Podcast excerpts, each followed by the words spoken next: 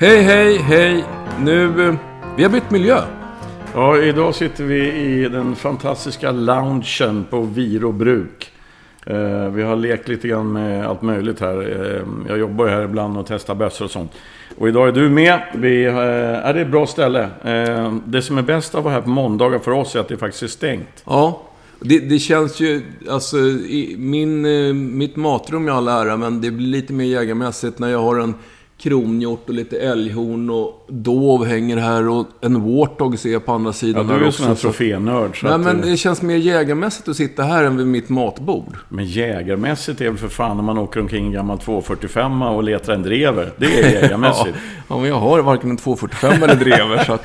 ja, men du, det här är dystert. Vi börjar ju dystert här Ja, faktiskt. vi börjar... Lite dystert. Jag tycker att egentligen... Vi, vi pratade ju förra gången eh, och, om en GP, en Gonski Polski. Nu kommer jag ihåg att säga vad GP betyder. Ja. Det var bra. Eh, som Rebecka hade både mejlat oss om och som också eh, Rebecka hade tagit till Peter. Och nu har också Rebecka varit i kontakt med ett par hundpsykologer. Och det som är sorgligt med det här är att det här slutade ju med att Rebecka bestämde sig för att ta bort den här valpen, GP-valpen, Gonski Polski-valpen. Ja, men alltså en, en jobbig grej med mig, när, när folk kommer till mig för att bedöma en hund som har bitit folk, då är det mitt jobb att försöka vara så ärlig och göra min egen bedömning som möjligt. Ja. Och jag sa faktiskt att, att jag tror inte hon fixar det här. Nej. För att den här hunden eh, visade sån extrem defensiv aggression och hade så otroligt svårt att ta fysiska signaler. Alltså, eh, så att eh, den, den, är, den är farlig helt enkelt. Och det, som är, och det här är naturligtvis en jättetragedi för alla inblandade, men, men budskapet i ett större perspektiv var vi ju inne lite grann på och belyste i förra avsnittet med Rebeckas hund som ett exempel.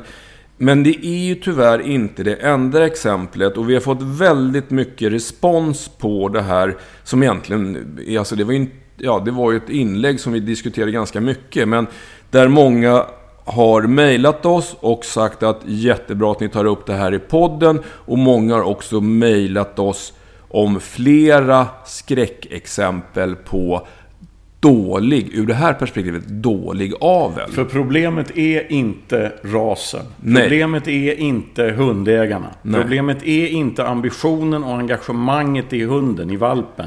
Det är uppfödaren. Det är uppfödarna. Så det, och det här... Som egentligen inte ens gör skäl för namnet, för en del av Nej, dem är alltså, bara men jag blir importer. faktiskt förbannad på det. För att det, det är ett slags... eh, Ja, det, det kommer hundar, man folk beställer hundar utan att tänka sig för eh, på, från flashiga hemsidor. Och så, så kommer en valp från någon sorts hundfabrik någonstans nere i, på kontinenten. Och, och valpen är fyra fem månader när den kommer till Sverige.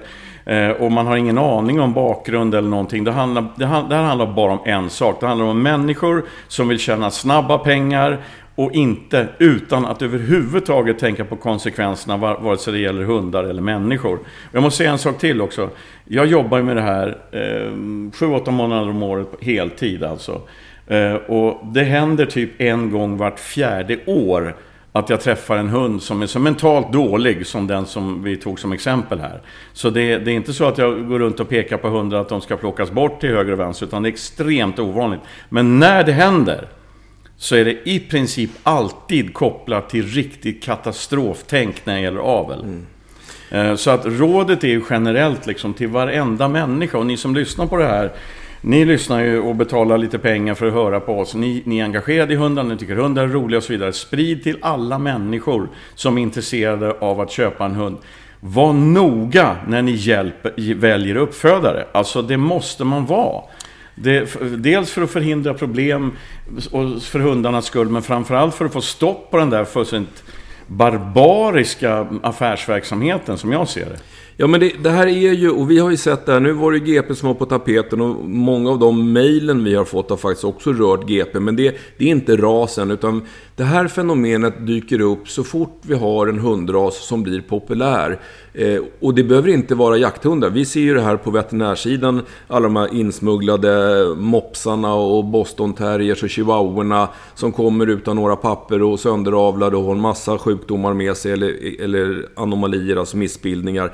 Så, så att när en ras blir populär så finns det de som är mindre nogräknade, som ser en affärsmöjlighet, plockar in Alltså det är inte ens säkert att valparna är födda i Sverige, men, men sen är de ju duktiga. För att jag förstod från något av mejlen att, att eh, eh en del av de här så kallade uppfödarna som inte ens föder upp själva utan de importerar eh, ja, ta fram hemsidor som gör att det, det, i princip ser ut som att det är de som är rasklubben. Ja, de har lärt sig algoritmerna på Google. Så att ja, de, de kommer skriver... längst upp på sökfälten. Precis, precis. Och, och, så grundrådet är, hur sugen man än är på en hund, oavsett ras, oavsett jakthund, men nu, nu pratar vi ju jakthundar primärt då.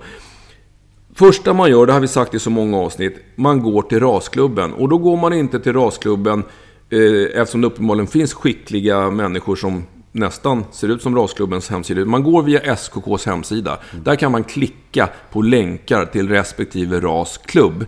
Så gå den vägen, för då vet man att det är en säkerställd. Och sen så kollar man Sen gör man allt det här som vi har sagt så många gånger. Man, man tittar på, på meriter och stamtavlor och jaktprov och man pratar med uppfödaren. Och som ett minimikrav så tycker jag, för jag vet att Rebecka sa att, att eh, det var du som berättade att upp uppfödaren, så kallade uppfödaren, hade ju fått ta bort tiken för att ja, den var lika... Efter att den här valkullen var såld så hade han sagt att jag var tvungen att ta bort tiken för hon, hon var aggressiv. Ja. Och jag menar, och där är nästa grej då. Det, det, är ju eh, de sista siffrorna jag såg när det gäller blandraser vi jagar med.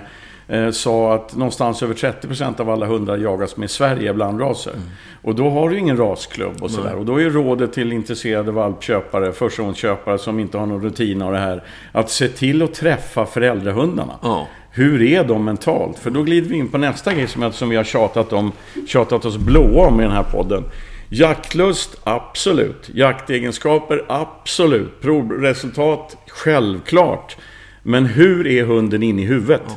Alltså det, det, när jag letar valp så är det så mycket jaktlust du kan få tag i och mental stabilitet. Ja, det är de då, un, två. då undviker man så otroligt mycket problem.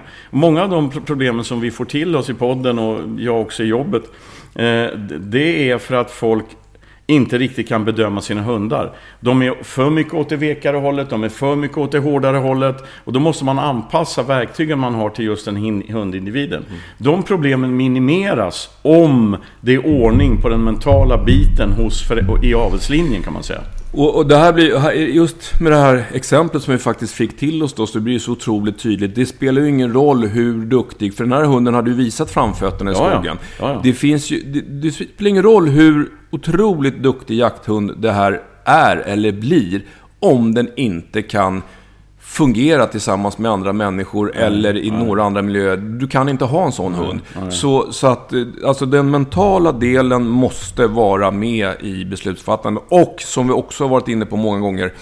Bara för att man har sett en ras, en vaktel eller GP eller vad sjutton som helst jagar fantastiskt så blir man sugen på att jag vill ha en sån. Mm. Alltså en GP eller en vaktel eller en jämte, det är liksom inte en, en ras där man får någon typ av standardförpackad jakthund med alla befintliga egenskaper. Som hos den man såg i skogen. Men alltså ser man en, en hund som Eh, jag fick ju någon, jag, var, jag brukar få, jag åker runt och jagar lite överallt och det var någon som frågade när jag släppte unghunden då. Hon jagade älg rätt så bra och vi sköt älg och sa alltså jag ska också skaffa en jämte alltså, helt mm. klart. Jag ska gå över från, den killen hade eh, någon vaktel och någon blandras.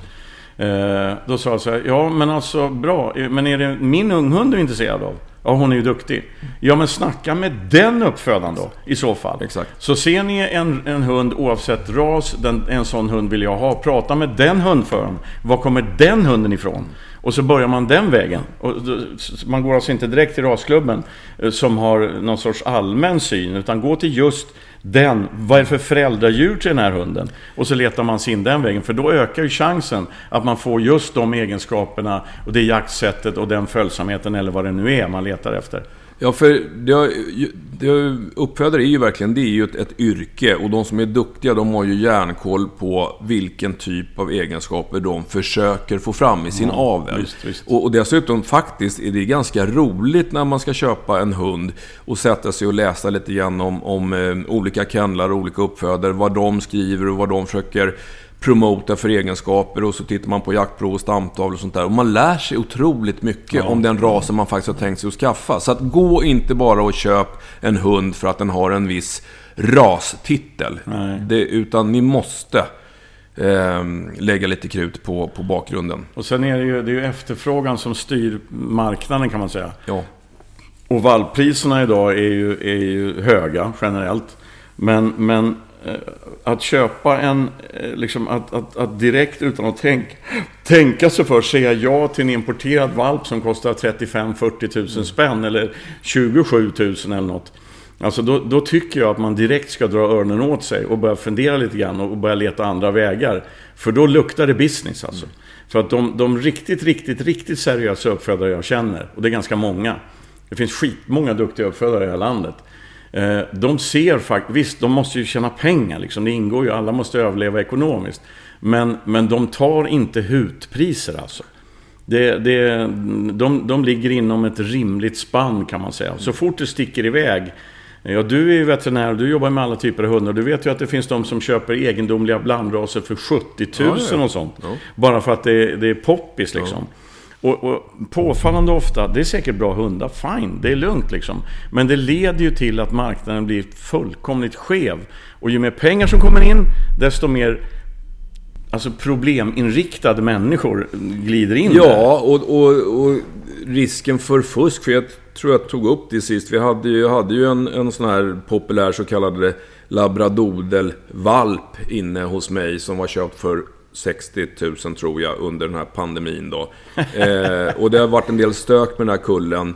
Och det visade sig sen då, för då var det någon av de eh, valpköparna som hade skickat sådana här eh, gentest. Eh, och de konstaterade att det var sju olika raser i den här. Ja, så, så, så, att, eh, så att det är liksom, där det finns pengar, där finns det de som försöker göra oseriösa business. Mm, mm. Ställ så. krav på uppfödarna, så, så är det. Yes. Ja, det var, det var väl en, en tråkig inledning, men det är jäkligt viktigt. Så att, eh, ja, sprid ordet alltså. Ja. Sprid ordet, för att eh, det, det här måste vi få ordning på. Ur mitt perspektiv, framförallt för hundarnas skull. Yes. Alltså. Ska vi ta lite frågor då? Lätta ehm, upp stämningen med ja, en fråga lätt. om en eh, KLM. Ja, det här är Kristoffer som faktiskt har en fråga om en KLM. Och sen har han också tagit en blandrasvalp med en eh, korsningen gråhund och forster. Som han också har, den är åtta månader. Men vi börjar med KLM-frågan. Och då är det som så, det är ett ganska långt mail. Men det är en sexårig KLM, jagar i Skåne och den ja, jagar egentligen både som fågelhund men även som kortdrivare på, på klövvilt.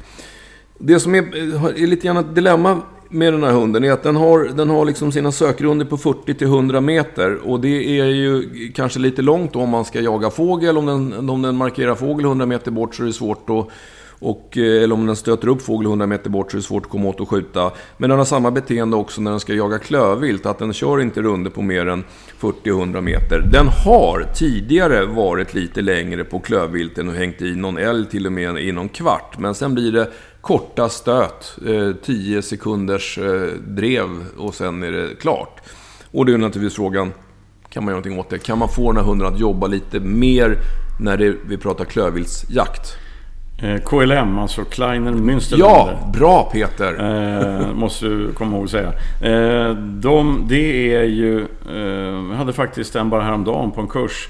Eh, killen ville få fram en vildsvinshund av en KLM, men jag var tvungen att säga till honom det jag säger här.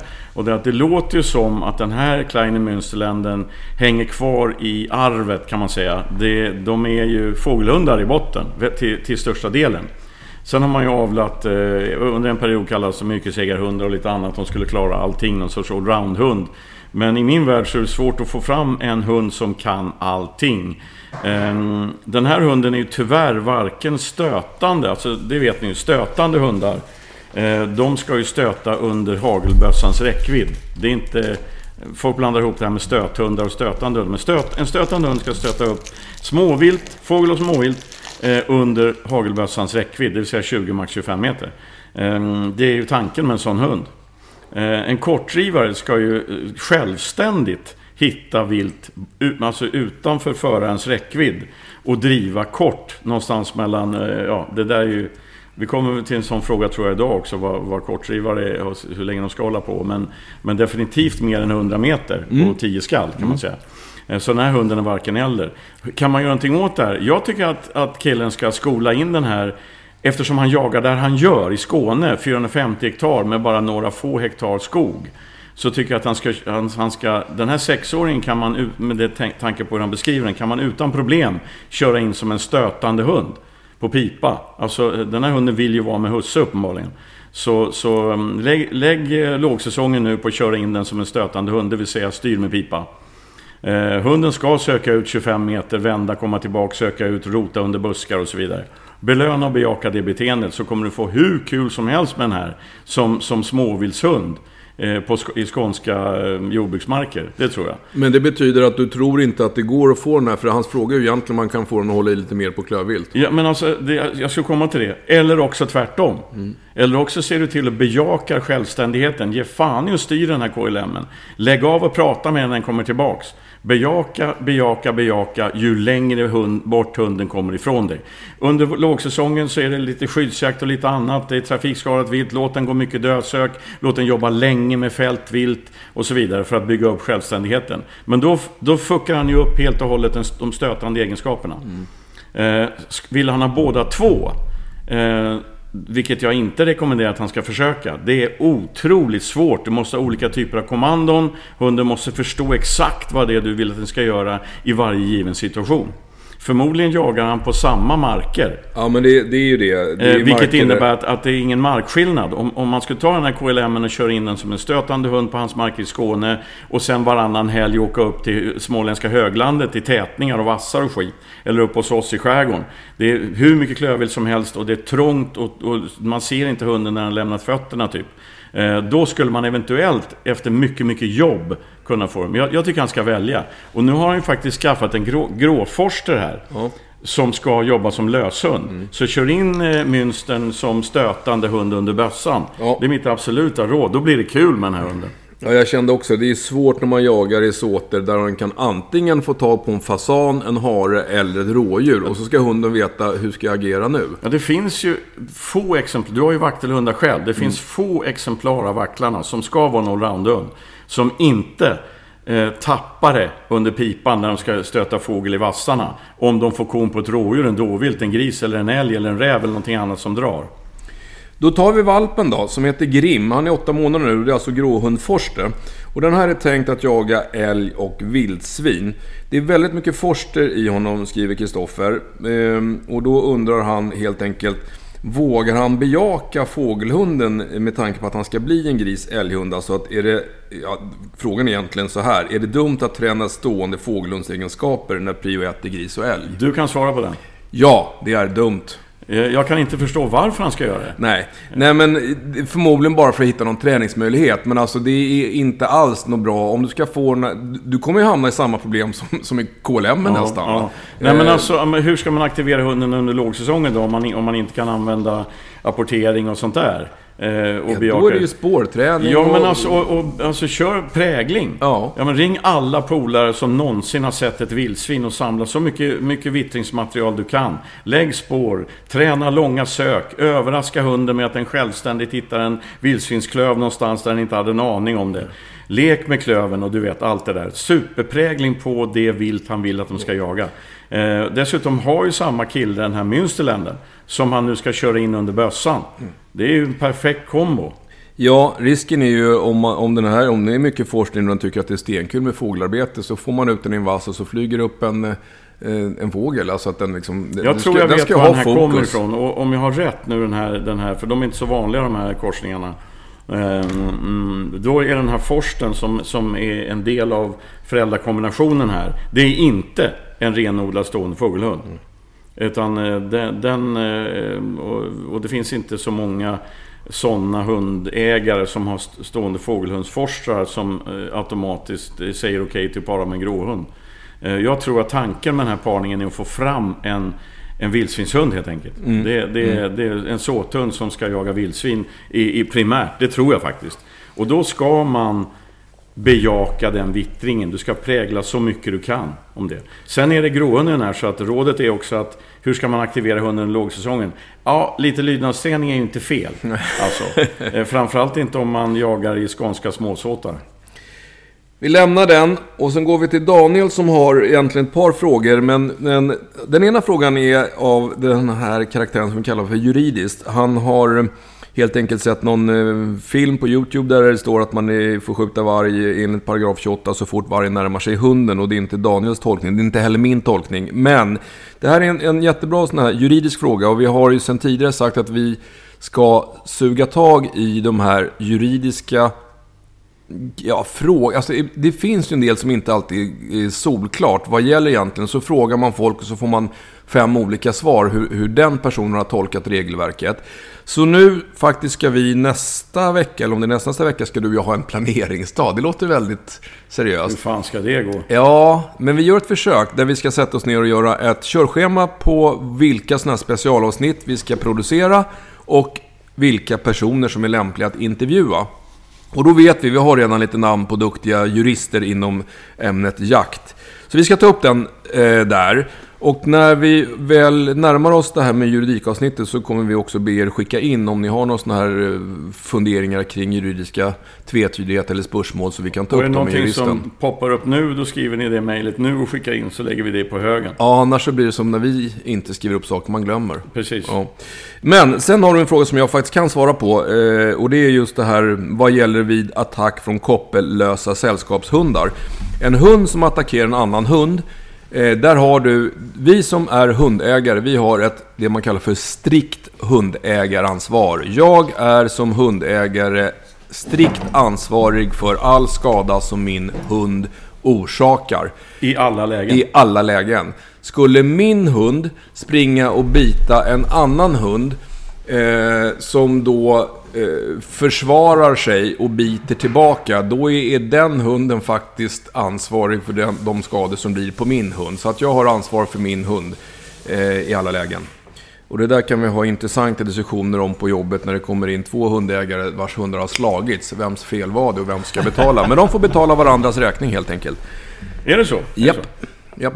Okej. Eh, Man behöver inte betala sin egen utan den andra. Ja, därför att du är ju ansvarig för de skador som blev på den andra hunden. Men det är ju ganska rättvist i och för sig. Ja, fast jag hade en, en sån historia ganska nyligen där den hunden som bevisligen hade attackerat den andra hunden eh, hade fått... Eh, Värre skador.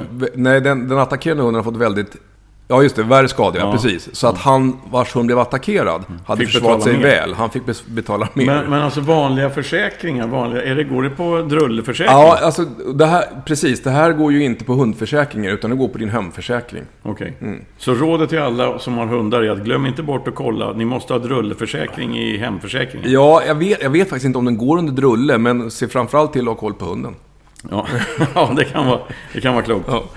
Då ska vi ha en, en spännande fråga. Jag tyckte den lät jättespännande och Peter sa att det är självklart. Och jag var nog inne på det spåret, men, men den, den är rolig. Ehm, inte kanske för husse, men det är en jämthundshane som är två och ett halvt år och han är skotträdd i hundgården. Bara i hundgården. Han, eh, inga problem med skott under jakt eller ens när han är ute utan... Men, om man står och skjuter och hunden är i hundgården, då har han panik i hundgården. Tar man ut honom ur hundgården och fortsätter skjuta så är han lugn så fort han kommer utanför hundgården. Det lät ju lite spännande, men när du gav förklaringen så, så är det ganska logiskt. Så att dra den en gång till och förklara framförallt vad man gör åt det. Eh, ja, alltså med, med stor sannolikhet så är det så att eh, den här hunden är två år. Det har pågått ett tag. Eh, så att när den var ung så hände två saker samtidigt när den var i hundgården, tror jag. Någonting hände som orsakade smärta, oro, någon form av sinnesrubbning, störning. Hunden blev kraftigt påverkad av, sin, sitt, av någonting som hände. Just när det smällde. Låt oss, låt oss, ja, vi utgår från att det hände. Han kan ha blivit biten av en bålgeting eller Ja, vad som helst, Ja. i exakt rätt ögonblick. Eh, när det hände Eh, så blev han störd, han kopplade ihop ljudet med en smärta, oro eller vad det nu var han kände. Eh, och sen så hände det där en gång till, att det small eh, och då reagerade hunden. Och då kan det vara så att människorna i hundens omgivning reagerade för att hunden blev rädd i hundgården. Någon tittade på hunden, någon sa du ska inte vara rädd. Eh, sen säger killen själv att han har provat. När det smäller i, i, när hunden är i hundgården blir hunden rädd. Då hämtar han hunden och fortsätter smälla ute. Och då är hunden inte rädd. Det är ganska smart av hunden om han vill komma ut ur hundgården. Alltså, och då bejakas beteendet, förstår ni vad jag menar? Alltså, någonting händer som är positivt eller man får uppmärksamhet eller någonting. Eh, det är för, för det här, är inte, det här problemet har jag hört förut. Så att, eh, och, och de gångerna har det faktiskt, eh, när man har luskat lite i orsak och verkan här, så, eh, så har de här grejerna hängt ihop helt enkelt. Och då, har- då har det blivit ett invant beteende. Eh, Men, och hur gör man då? Ja, Om nu den här hunden inte är överhuvudtaget skotträdd någon annanstans, han är cool, han reagerar inte, han ligger och sover på, vid skjutbanan och du vet allt det där. Eh, då kan man göra lite olika saker. Man kan byta ut den här eh, obehagskänslan mot en positiv känsla.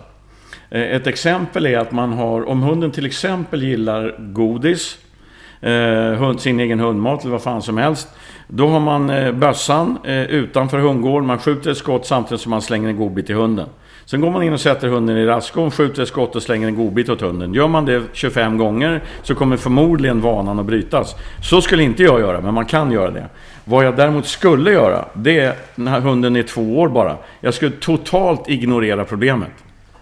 Därför att han ställer frågan till oss och det, det föranleder mig att tro att de har fokuserat en del på det här problemet.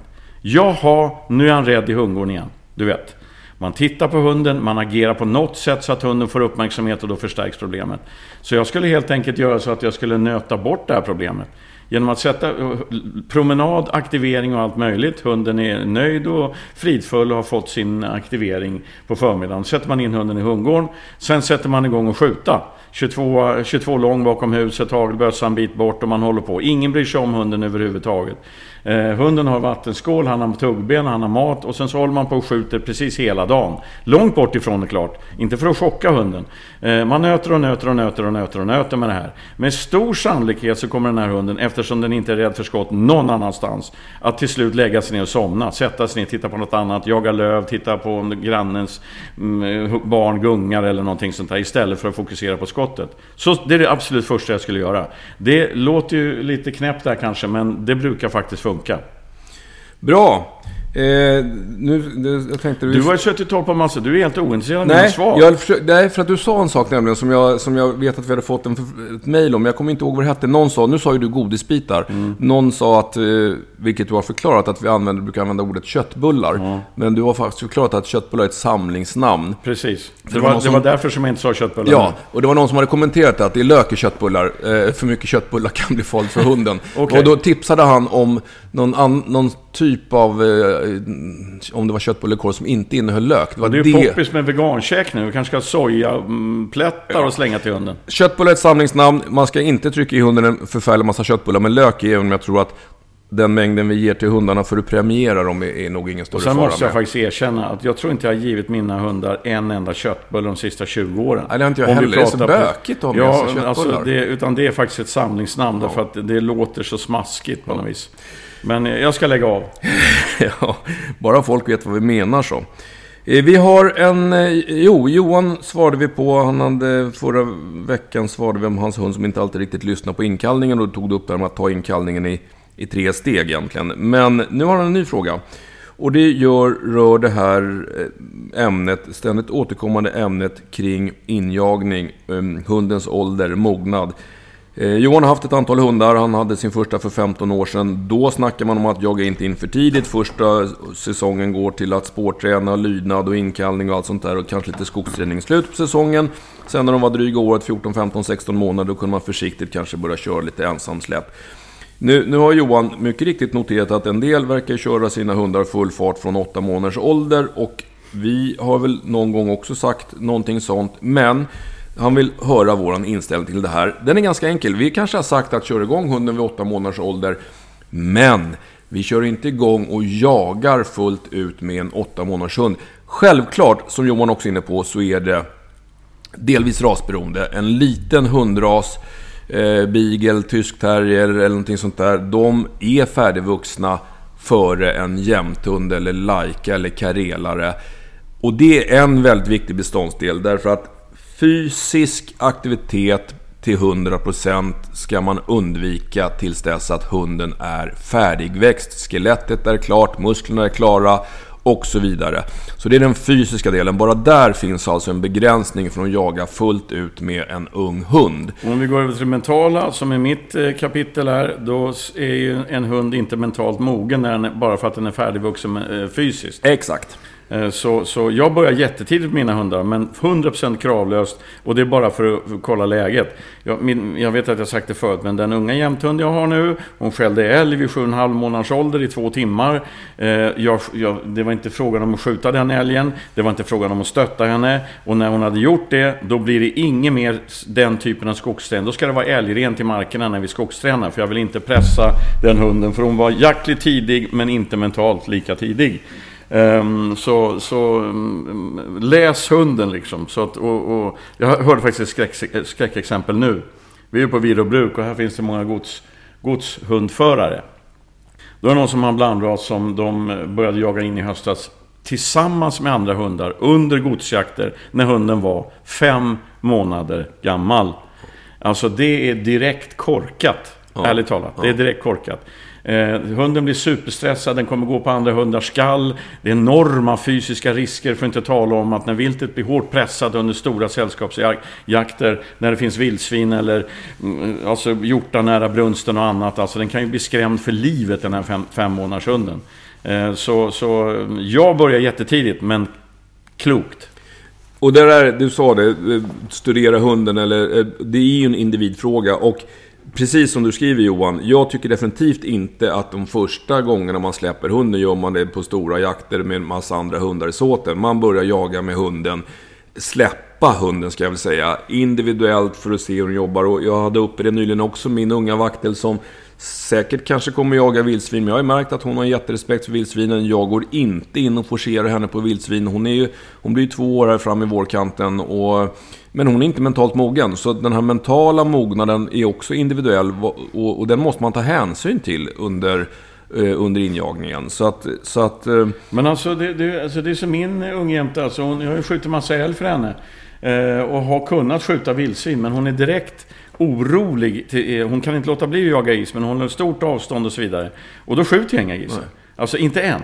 Jag vet, eh, jag har, det finns ju andra i kullen de har gjort det för, men jag anser att riskerna är för stora. Jag vill att den här hunden ska funka i tio år till. Ja, det, det här är ju lite grann som det vi var inne på i inledningen när vi pratade om, om avel eh, Och att en, bara för att en hund har en, en, en viss ras så funkar de inte likadant allihopa. Utan man, man måste ta hänsyn till individen, den hunden man har att jaga med. Jag har haft ett antal vaktlare, jag har inte jagat in dem på samma sätt allihopa beroende på att de har varit olika individer. Haft olika mognad Men alltså vi har ju snackat jättemycket om din ung, ungtik, alltså ungvakten. Och, och jag tror att det sätt vi gör när vi jagar med den, har jagat in den, kommer leda till att du kommer ha en vaktel så småningom som definitivt kommer jaga vildsvin. Mm. Men hon är så jävla speciell i huvudet den här hunden så att om vi hade börjat dra ner grisar framför henne när hon inte visste riktigt vad hon höll på med. Då tror jag att det hade gått åt andra hållet. Hon har slagit över. Ja, det hade gått åt andra Mm, hållet också. också. Det, det är jag ganska säker på. Ja, så det är om det Johan. Så, så att vi är helt med på ditt spår här. Och eh, de här som släpper full jakt vid allt för tidig ålder, vi tycker inte att det är smart någonstans. Ja, det kan gå, men riskerna är för stora. Ja. Eh, nu har vi en, en eh, anonym eh, skrivare här som jag har varit i kontakt med, faktiskt på telefon till och med, angående en drever. Och eh, du har skrivit att vi behöver inte ta upp det här i podden, men jag tar upp det ändå därför att det här är du inte ensam om det här problemet. Och det här gäller en drever som eh, haft en del problem med halsinfektioner och, och sen så har hon fått stå stilla och hon har lagt på sig vikt. Och sen så blev hon släppt eh, och jagade bra, men fick då ett Eh, så kallat jaktödem som är då eh, vätska runt lungorna. Den, den, den, hon blev faktiskt inlagd på, på det djursjukhuset där jag jobbar och den veterinären som lämnade hem sa att det är väl ungefär 50-50 att det är en engångsföreteelse eller att det kan återkomma. Den veterinären som lämnade hem, jag är ganska säker på att det inte var jag, därför att eh, veterinärens råd var att inför nästa säsong Eh, se till att man har en bra försäsongsträning och eh, jaga i lite kortare so drev i början. Och jag tror inte jag hade sagt det om en, en drever. Det, eh, har man en bra drever, precis som skribenten skriver här, det är inte så lätt att styra drevtiderna. En del kan blåsa av sina drevrar, men alla kan inte det. Och eh, så frågan är egentligen, vad, vad kan man göra? Hur ska man ställa sig till problemet? Går det att undvika? Och jag är, jag är benägen att hålla med min kollega som sa att det, det är liksom ingen lag att, den här, att det här jaktidémet kommer att återkomma. Eh, vissa får det bara en gång och aldrig mer. Och sen så, så har eh, skribenten lite dåligt samvete för att dreven släpptes när den var lite för överviktig och att det var orsaken till ödemet. Visst, det kan ha bidragit, men den här dreven kan ha fått ett ödem även om den har varit smärt som bara den och jättevältrimmad. För att det är en Vi har ett antal hundar, många drevrar, varje säsong som kommer in med jaktödem. Och många av dem är, de kommer in i november, december, de har jagat i flera månader och är i topptrim. Men de får ändå ödem, så att man ska nog inte gräma sig allt för mycket för det där. Så, så vad gör man då? Ja, det är egentligen bara... Jag skulle göra som så. Om jag hade en drever som jag inte har 100% inkallning på, det vill säga jag kan inte styra drevtiderna. Jag skulle se till att jag är duktig med försäsongsträning. Jag skulle se till att hunden är i god vikt. Sen skulle jag släppa. Har man en drever så ska den få jaga. Eh, och, och du kan liksom inte göra mer än så. Och får den tillbaks det så får man väl ta ställning till det då. Förhoppningsvis så var det en engångsföreteelse. Så en god försäsongsträning, se till att den är i bra kondition, bra vikt och så kör. Och ja, visst, alltså skulle det vara så att, att eh, det går att blåsa av den efter 45-50 minuter eller att den kommer förbi med drevdjuret och man kan koppla så är det ju inte fel. Men, eh, men, ja, men kan man inte så... Alternativet är ju att ställa dreven. Och det tycker jag är ett dåligt alternativ i det här ja, läget. Ja, framförallt ur drevens synvinkel. Ja. Eh, då tar vi en kastrationsfråga igen. För det har vi haft några stycken genom åren. Och det är Johan som undrar. Han har nämligen en GP-hanne som har blivit kemiskt kastrerad. Och enligt då specifikationen så skulle den här kemiska kastrationen gått, gått ur, alltså tappat sin effekt i maj. Men ännu så har inte testiklarna på hans hane blivit större. Och då undrar han hur länge kan effekten sitta i efter de sex månader som, som det här chippet då är verksamt? Om jag börjar med den frågan så är det så att det finns ju två storlekar på chip. Det ena har håll, alltså, hållbarhet eller ska vara verksamt i minst sex månader. Och det större chippet ska vara verksamt i minst 12 månader. Eh, så nu antar jag att, att han fick sex månaders chippet då eftersom det står så här. Men, men det kan ju ha varit så att man satte i 12 månaders chip. Eh, det vet inte jag. Hur som helst så, Hur som helst så, så är det minst sex månader. Och, eh, och det där har ju jättegöra... Alltså det är ju så att man ger samma storlek på chip oavsett om det är en 4 kilos hund eller en 40 kilos hund. Och, så att, så att ja. men effekten blir olika. Och det har att göra med ämnesomsättning och sånt också. Så att de här testiklarna kommer att komma tillbaka. Men, men det går liksom inte att säga eh, exakt när. Så det är bara att ha tålamod. Sen, sen kom det ett följdproblem på det här då, Johan. Eh, att eh, eh, ja, det här blir ju som en kastration. Eh, Johan var lite sen med att justera käket, så nu dras ju GPn med lite extra kilon. Trots att han får dietfoder. Och Johans fråga är egentligen vad man kan dryga ut fodergivan med.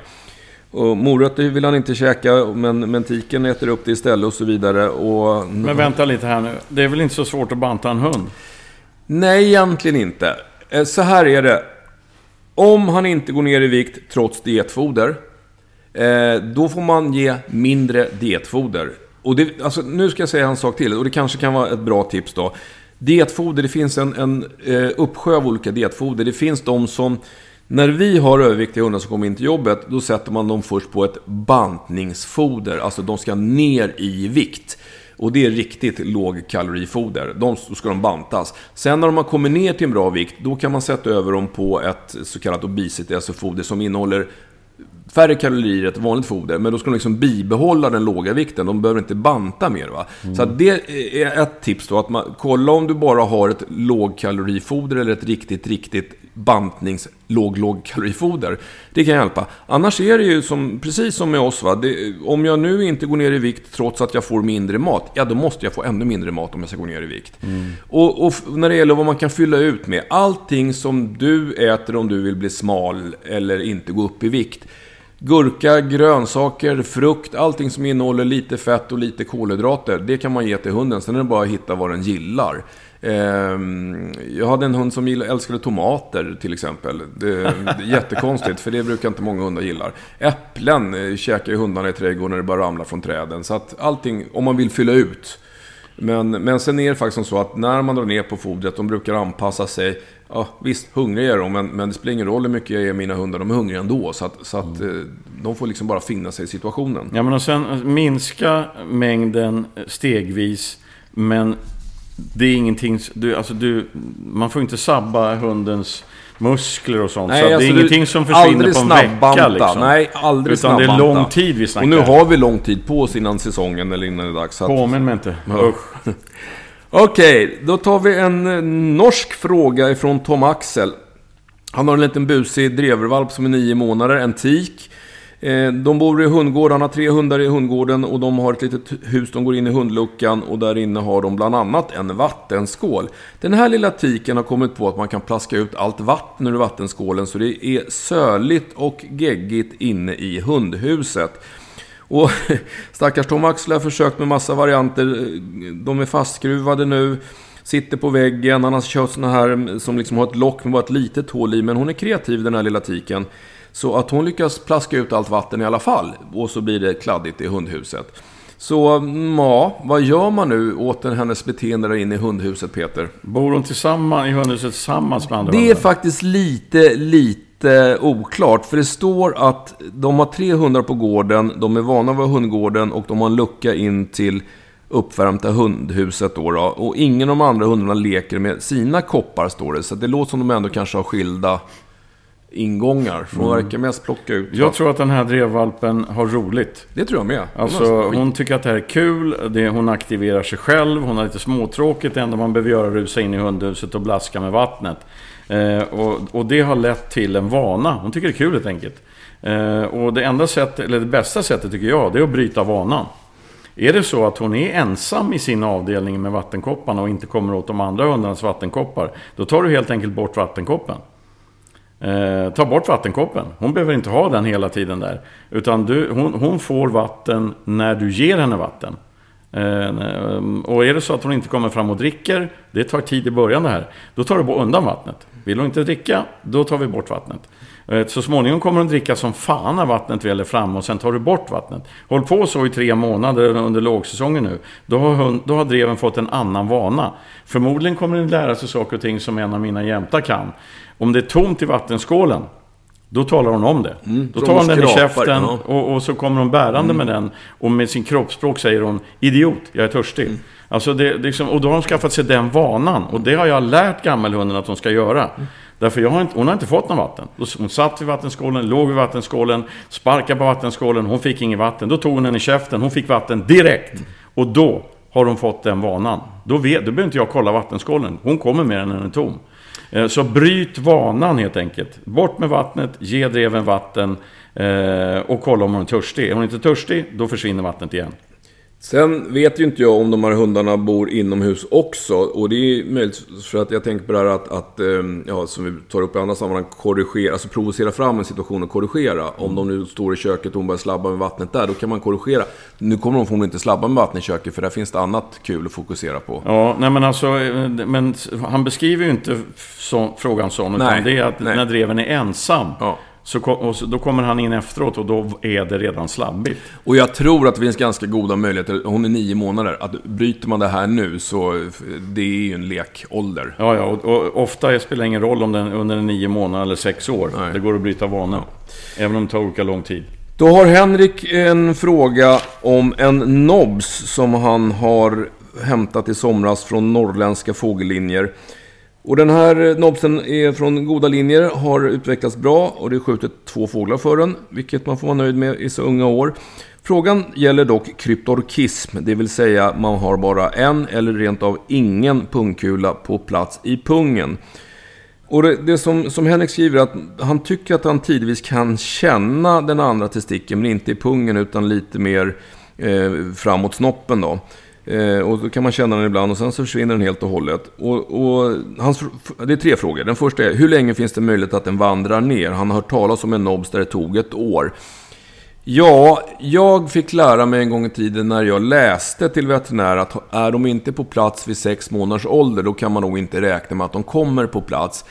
Rent erfarenhetsmässigt så är det nog tyvärr som så att jag har nog aldrig sett någon som har de inte haft den på plats för 3-4 månader så har jag inte känt någon som har kommit ner när den är 6. Så det är nog extremt ovanligt. Så jag skulle tro att... Eh, jag skulle inte ha för stora förhoppningar på att den ramlar ner när den kommer upp mot året. Utan har den inte gjort det nu så, och du hämtar hunden i somras, den bör vara någonstans runt 7 månader nu så skulle jag inte ha några stora förhoppningar på att den kommer på plats.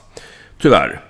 Eh, och det finns alltså, du, du frågar om det finns någonting som man kan göra för att hjälpa till och det kan man inte. Den, den, det låter som att den här testikeln ligger i det vi kallar för inguinalkanalen eller ljumsken. Testiklarna utvecklas ju inne i buken och sen så ska de vandra ner genom en liten hålighet i buk, bukväggen. Eh, ner via ljumsken ner till pungen och den ligger förmodligen någonstans där och fladdrar. Kan ehm, pungkulor vandra alltså? Ja, alltså det, det finns ett jätteroligt litet namn. Det heter gubernaculum. Det kommer jag så väl ihåg för jag hade svårt att lära mig det när jag skulle tenta. Så jag läste det många, många, många gånger. Mm. Så nu vet jag att det heter gubernaculum. Och det är ett litet, litet ligament som sitter liksom i pung i säcken. Mm. Och går upp till testikeln. Och den där lilla ligamentet ska dra testikeln ner på plats okay, i pungen. den går upp dit? Jajamensan. Okay. Så funkar det. Kroppen är häftig. Eh, och sen så har Henrik också läst på Veterinärförbundets hemsida som rekommenderar att man inte profylaktiskt kastrerar, vilket en del veterinärsidor gör. Jag säger som jag har sagt och som vi faktiskt har fått lite bassning för, men, men jag står för det. Jag tycker inte att man... Man ska absolut inte profylaktiskt, alltså förebyggande, kastrera hundar oavsett kön, bara för att. Och framförallt inte om det är någonting som kan bli ett bra avelsmaterial någon gång i framtiden, även om man inte har tänkt sig göra det just nu. Vet man med sig att, som jag, jag har en blandras, jag vill inte avla på en blandras. Hon blev kastrerad eh, innan hon var ett år gammal, för jag vet att jag inte kommer avla på en blandras. Eh, när jag hade tagit sista kullen på gammelvakten så kastrerade jag henne. Hon skulle inte ha några fler kullar och då ser jag fördelar med det. Men jag tycker inte att man ska... Eh, det finns ingen anledning att, att eh, kastera en frisk hund. Det som sägs då med de här eh, kryptorkida hanhundarna är att det finns en ökad risk för testikeltumörer hos den testikeln som inte ligger på plats i pungen. Den har lite för hög omgivande kroppstemperatur och att de lättare kan tumöromvandlas. Och visst, det finns en ökad risk, men det, den är marginell. Alltså det finns en gammal amerikansk studie på det där. Och det är inte någon risk som är så stor så jag tycker att man per automatik ska kastrera en kryptokid hund. Om man inte vill av andra skäl. Ja, det var väl kanske svaret på den frågan. Men, men det här är ju å andra sidan, det här är ju en hund. I och med att den är kryptokid så, så ska den ju inte användas av eftersom kryptorkism är ärftligt. Så är det. Nu har vi Anton som har en fråga. Och det är hans tvååriga gråhundstik som funkar jättebra i skogen och hemma. Hon har ett litet jobbigt beteende dock. Och det är när de ska gå på promenader eller ner till hundgården och hon går i koppel och så vidare. Så vill hon gärna nafsa husse i fötterna. Hon hoppar in framför honom, skäller ungefär som ett ståndskall och försöker nafsa honom med fötterna. Anton provar att avleda, kasta pinnar och leksaker. Men hon är inte så intresserad av pinnar eller leksaker. Utan hon vill busa och nafsa och... Eh, skälla på husse. Vad gör man åt det då, Peter? Eh, det är en smart liten gråhundstik det här. Hon vet ju hur hon ska få igång sin husse. Känner hon att hon vill att han ska kasta pinnar, då behöver hon bara hoppa in framför honom och skälla och försöka beta honom, bita honom i fötterna. För då slänger han pinnar eller godbitar eller någonting annat. Hon får en respons. Hon, får, hon drar igång en lek. Mm. Så att eh, uppenbarligen gillar den här gråhunden sin husse. Husse gillar gråhundstiken. De har det skitbra ihop, de jagar bra ihop, allting funkar hemma. Så kliv in och korrigera bort det här. Säg nej till hunden. Hon får inte göra det här. Sen kan du ju naturligtvis räcka på med belöningar då när hon gör som du säger. Men var försiktig så att inte hunden kopplar ihop belöningen med triggningen. Det vill säga om hon, hon, hon, hon har ju fått hon har hittat ett sätt att trigga sin husse så att hon får belöningar. Så i det här fallet skulle jag kliva in och korrigera tydligt och, och bestämt på alla sätt och vis. Och sen när hon lugnar ner sig och slutar, då, så att han belönar rätt läge. Belöna när hunden gör, visar det beteende som du vill ha fram. Belöna inte för att i direkt samklang med att försöka bryta någonting som hunden inte får göra. Om, hund, om det finns en risk att hunden tror att det den inte får göra leder till en belöning. Får jag gissa hur man ska korrigera? Jag tror man gör så här, man möjligtvis använder handen, gör en, säger ett tydligt nej, lite fart emot. Så fort hunden visar lite tecken på att hon svarar på signalen, eh, lite mungiporna bakåt, öronen ner eller någonting sånt där, då vänder man och går därifrån. Bra Björn, vem har du fått det ifrån? Vi går, äh, vi går inte in på det. Vi går inte in på det. Men, men alltså, du sa, du sa någonting där som är otroligt viktigt. Gör det i tid. Yes. Stegra inte korrigeringen. Börja inte med att säga men snälla du sluta och sen stegrar man tills man blir förbannad. Utan låtsas bli förbannad i första läget och gör det tidigt. Det är nästan så att du ska, du ska liksom nästan agera som du vet att du gör just innan hon börjar. Då, när hunden tänker, nu ska jag börja med det här, korrigerar man där, då är det ganska lätt att bli av med problemet. Och, och som sagt var, tänk, belöna gärna sen, men belöna bara när du är säker på att hunden har förstått vad den inte ska göra. Anders är en ödmjuk kille. Han eh, har en sexårig Laika Norrbottens korsning som han, som han själv skriver, det är hans första hund och han har sprungit efter henne alldeles för mycket vid injagningen. Hunden står det, så jag vet inte riktigt vad det är för kön, men det spelar ingen roll. Han önskade att våran podd hade funnits för fem år sedan när han skaffade den här hunden så hade han vetat bättre. Så problemet har blivit att den här hunden är väldigt osjälvständig. Den jagar inte särskilt länge eller särskilt långt ifrån husse. Kan hålla på, jo här står det faktiskt han. Han kan hålla på ett tag om man får tag på vilt. Så frågan är egentligen, kan man göra den här mer självständig när den är sex år? Det står ingenting om man har försökt göra någonting av det som Nej, vi brukar det gör säga. inte det. Nej men eh, mm, eh, försök att förändra dina... Nummer ett är försök förändra dina egna beteenden. Det vill säga kommunicera inte med hunden. En hund som har dåliga sök och förkorta jakttider, arbetstider. Eh, den försöker man ignorera så mycket som möjligt när den kommer tillbaks. Eh, hunden som är för långt bort gör man tvärtom med. Den bejakar man kopiöst när den kommer tillbaks och belönar genom att släppa den igen. Så var tråkig, riktigt jävla tråkig helt enkelt. Eh, titta inte ens på hunden när den kommer tillbaks. Då, då brukar ju, då brukar ju en, om det finns jaktlust i den här hunden så brukar det bli så att det är ingen idé att jag springer till husse för han tittar inte ens på mig. Eh, och i början, hunden är sex år, då kommer det här ta tid eftersom hunden kommer göra allt den kan för att få den där uppmärksamheten som den är van vid. Då gäller det att stålsätta sig och, och skita i det helt enkelt. Eh, sen framgår det inte heller hur, hur, mycket han jagar, hur mycket som är skjutet för hunden och så vidare. Så att eh, det bästa är ju också att, att eh, eh liksom göra om injagning kan man säga, även om hunden är sex år. Det vill säga jaga in med kvalitet. Se till att du vet vad du släpper på. Inte för mycket torrsläpp liksom. Viltfattiga marker, det är ingen, vi vet inte om det finns någonting här. Utan lägg en timme på att hitta vilt som du sen ger hunden utan att visa hunden att du ger det förstås. Men, men så, att, eh, så att vi ökar jaktlusten och glädjen i att jaga självständigt. Men, men han sa ju själv att han sprungit efter, sprungit efter hunden så mycket. Det betyder att han kommunicerar med den jättemycket och då tror hunden att den ska vara kort. Så det första du ska göra är att förändra ditt eget beteende när du jagar med hunden. Ja, och jag tror att man, som du var inne på, man, är sex år gammal, man får räkna med att det här... Hunden kommer bli jätteförvirrad i början. Vad händer med husse? Han bryr sig inte om mig Ja, längre. precis, precis. Eh, och då får man bita ihop och vara ihärdig, för det kommer ta en stund. Ja, ja visst. Ehm, bra, han hade också ett tips på att, eh, det har vi fått förut tror jag, att vi ska ta med vår kompis Knutsson i ett avsnitt. Han verkar intressant. Och det, det har vi faktiskt pratat om. Vet inte om man kan få Knutsson till ett rumsren bara. Nej men alltså jag tror vi får ha en sån här... För, för, alltså han har ju ett rätt så grovt språk. Ja. Eh, han har väldigt tydliga åsikter. Eh, och sådär. Så att eh, det är klart vi ska ta med Knutsson i ett avsnitt. Men då får vi sätta en flagga och sådär. Ja, just det. Det, får Det är sån här- 15-årsgräns eller Ja, något. ja, 18 tror jag till och med. Ja men han, vi skriver upp Knutsson på listan, absolut. Eh, Jim har en östlaika som är snart tre år gammal som, ja, för ett och ett halvt år sedan fick hon problem med öronen och hon behandlades med örondroppar. Och sen eh, något halvår senare så fick hon samma sak igen och trodde att det skulle kunna vara en allergi. Nu har hon en tredje gång, eh, när hon har varit i hundgården, har hon skrapsår på nosen och han har skickat en bild på det här. Eh, som, som blev liksom värre och värre. Och de var hos veterinär som trodde att det här kunde vara något som heter pyodermi. Och det är en, en hudinfektion. Och att det kunde finnas en immunologisk, alltså någon typ av allergisk reaktion i botten. Blev behandlad med kortison och antibiotika. Och Jims fråga är egentligen, kan det vara en allergi som gör det här? Och, och kan det då komma tillbaka? Eh, den, den är svår att svara på den här Jim, därför att rent spontant så skulle jag säga mm, Tror inte det. Därför att, och varför inte? Eh, jo, därför att det är liksom sex månader mellan.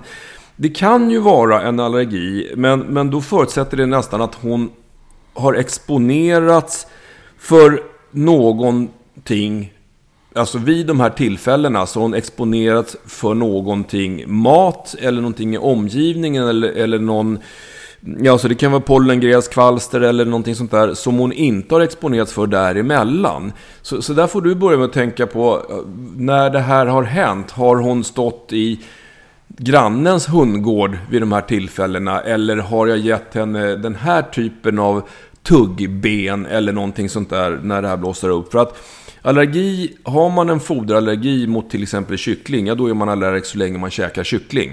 Och det, det kommer inte vart sjätte månad. Eh, sen finns det ju den här kontaktallergin. Jag tänkte att hon hade ja, gnagt mot, eh, mot gallret i hundgården. Eh, så, och reagerat mot, eh, inte vet jag vad det finns för, om det är nickel eller aluminium eller ja, i de där gallrena, Någonting sånt. Men det förklarar ju inte heller de tidigare öroninflammationerna. Så att så jag, alltså jag, spontant så, så här, en allergi som blåser upp vart sjätte månad. Det finns ju de här säsongsallergierna. De kan hundar också. Det finns hundar som är pollenallergiker och i maj månad varje år så får de klåda och nysningar. Precis som vi människor. Men, men vad man då kan exponeras för vart sjätte månad. Du får gå till dig själv och fundera på, kan det vara det? Annars tror jag inte att det är det. Sen är din följdfråga, kan man testa allergier? Ja, det kan man. Man kan faktiskt på hundar göra både sådana här pricktest som man gör på människor. Man, man injicerar lite allergiframkallande ämnen i huden på ett litet mönster och så ser man om det svullnar runt någon av de här prickarna. Men man kan också ta blodprover. Jag tycker dock eh, att det inte alltid känns som att de är 100% rättvisande. Men, men det finns alltså både blodprover och pricktester. Pricktesten är framförallt för eh, pollenkvalster och den typen av omgivningsallergier. Blodproverna kan man kolla både foderallergier och, och eh, atopier med. Så, ehm, mm, eh, svårt. Eh, blir hon frisk och kry nu från den här behandlingen med kortison och antibiotika så skulle jag väl kanske ha lite is i magen. Blossar det upp en tredje gång skulle jag verkligen sätta mig ner, och, eller fjärde gång, och rannsaka mig själv. Vad har hänt eh, de närmaste dagarna, veckan före det här allergi eller klådan uppstod? Och se om du kan hitta någon röd ledtråd där. Tyvärr blir det inte mer exakt än så. Sista frågan tror jag för idag Peter, den blir faktiskt eh, ja, lite annorlunda. Eh, vi har väl fått, jag vet inte hur många vi har fått eh, genom våra avsnitt, eh, frågor om dåliga, trånga sök och korta, för korta förföljanden. Man vill ha längre förföljanden. Här har vi det raka motsatta.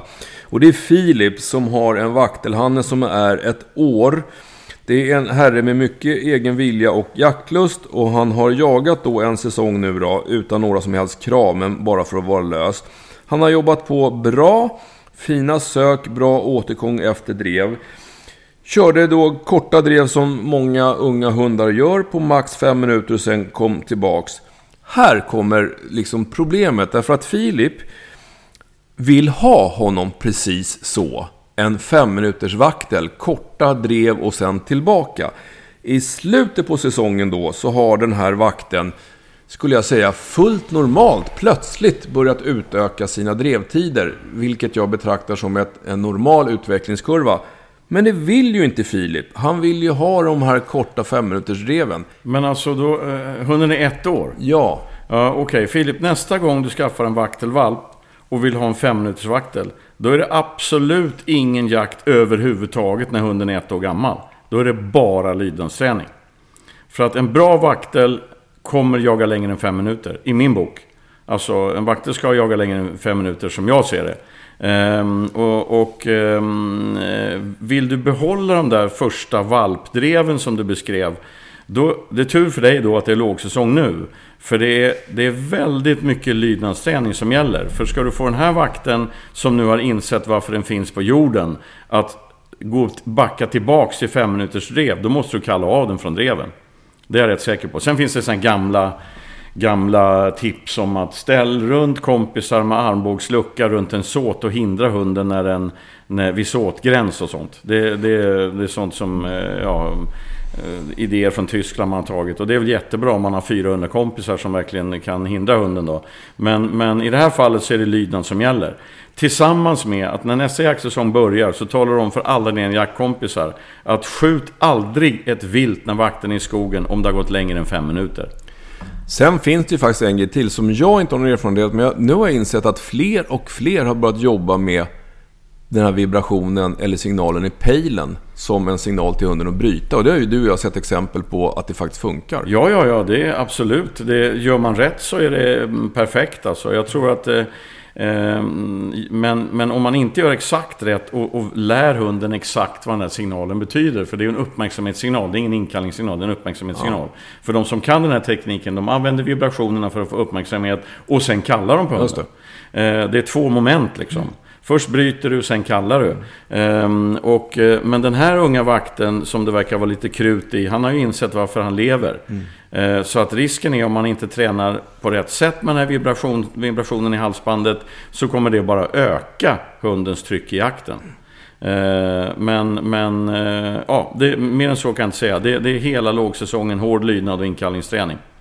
Sen, alltså, nu vill ju Filip ha extremt, för det är extremt kort med en fem minuters vaktel. Alltså det, jag, jag tror att det är svårt, och, för det är ju inte riktigt så som, som vaktlarna, de ska ju vara kortdrivande, kanske inte riktigt så kort Jag vet inte om man skulle alltså, välja en springer spaniel eller någonting. Du kan ju rasen, finns det inte någonstans? Nej, det står faktiskt inte. till 20 Nej, minuter? Nej, det, det gör inte det. Men när man går jaktproven så eh, tror jag att det ska vara åtminstone 15 minuters drev och sånt för att man ska eh, få... Men jag läste faktiskt raskompendiet för ett tag sedan. Det står ju att det ska vara en stöt, kortdrivande, apporterande hund. Men på jaktproven så belönas nog inte 5 minuters drev tror jag.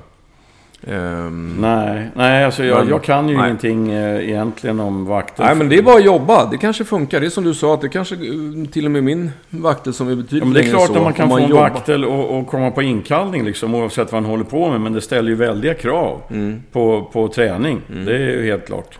Eh, men, men och sen, sen alltså har den just den, har den där gränsen. Två säsonger framåt, ingen får överhuvudtaget ha... Ja, det är patron ut efter fem minuters mm. jakt. Eh, för att annars så, så, spelar det ingen roll tror jag, om mm. det är krut i vakten. Jaha, då tror jag... Vi har gjort nu, eller när, nu när vi är på Viron då, så har vi faktiskt intervjuat vår, gjorde en liten specialare med vår kompis Viktor som förestår butiken är och en jäkel på det här med vapen. Så vi har eh, pratat lite grann med honom om eh, trender inom jaktvapenbranschen och nyheter och, och, vad som kommer och vad som gäller just nu. För det går ju mode i det där också. Det gör ju det, men ska, ska vi köra det nu eller? Nej, det ska vi spara som en liten godbit till nästa avsnitt tror jag. Så vi lägger på det där på... på men det, det är en liten teaser kallas det för tror jag. Okej, okay, okej. Okay. Ja. Ja men det är bra. Vi, vi kör på. Vi ska iväg och filma nu. Man ska lägga ut filmer på Patreon också. Det ska vi också göra. Eh, om någon. Frågar oss.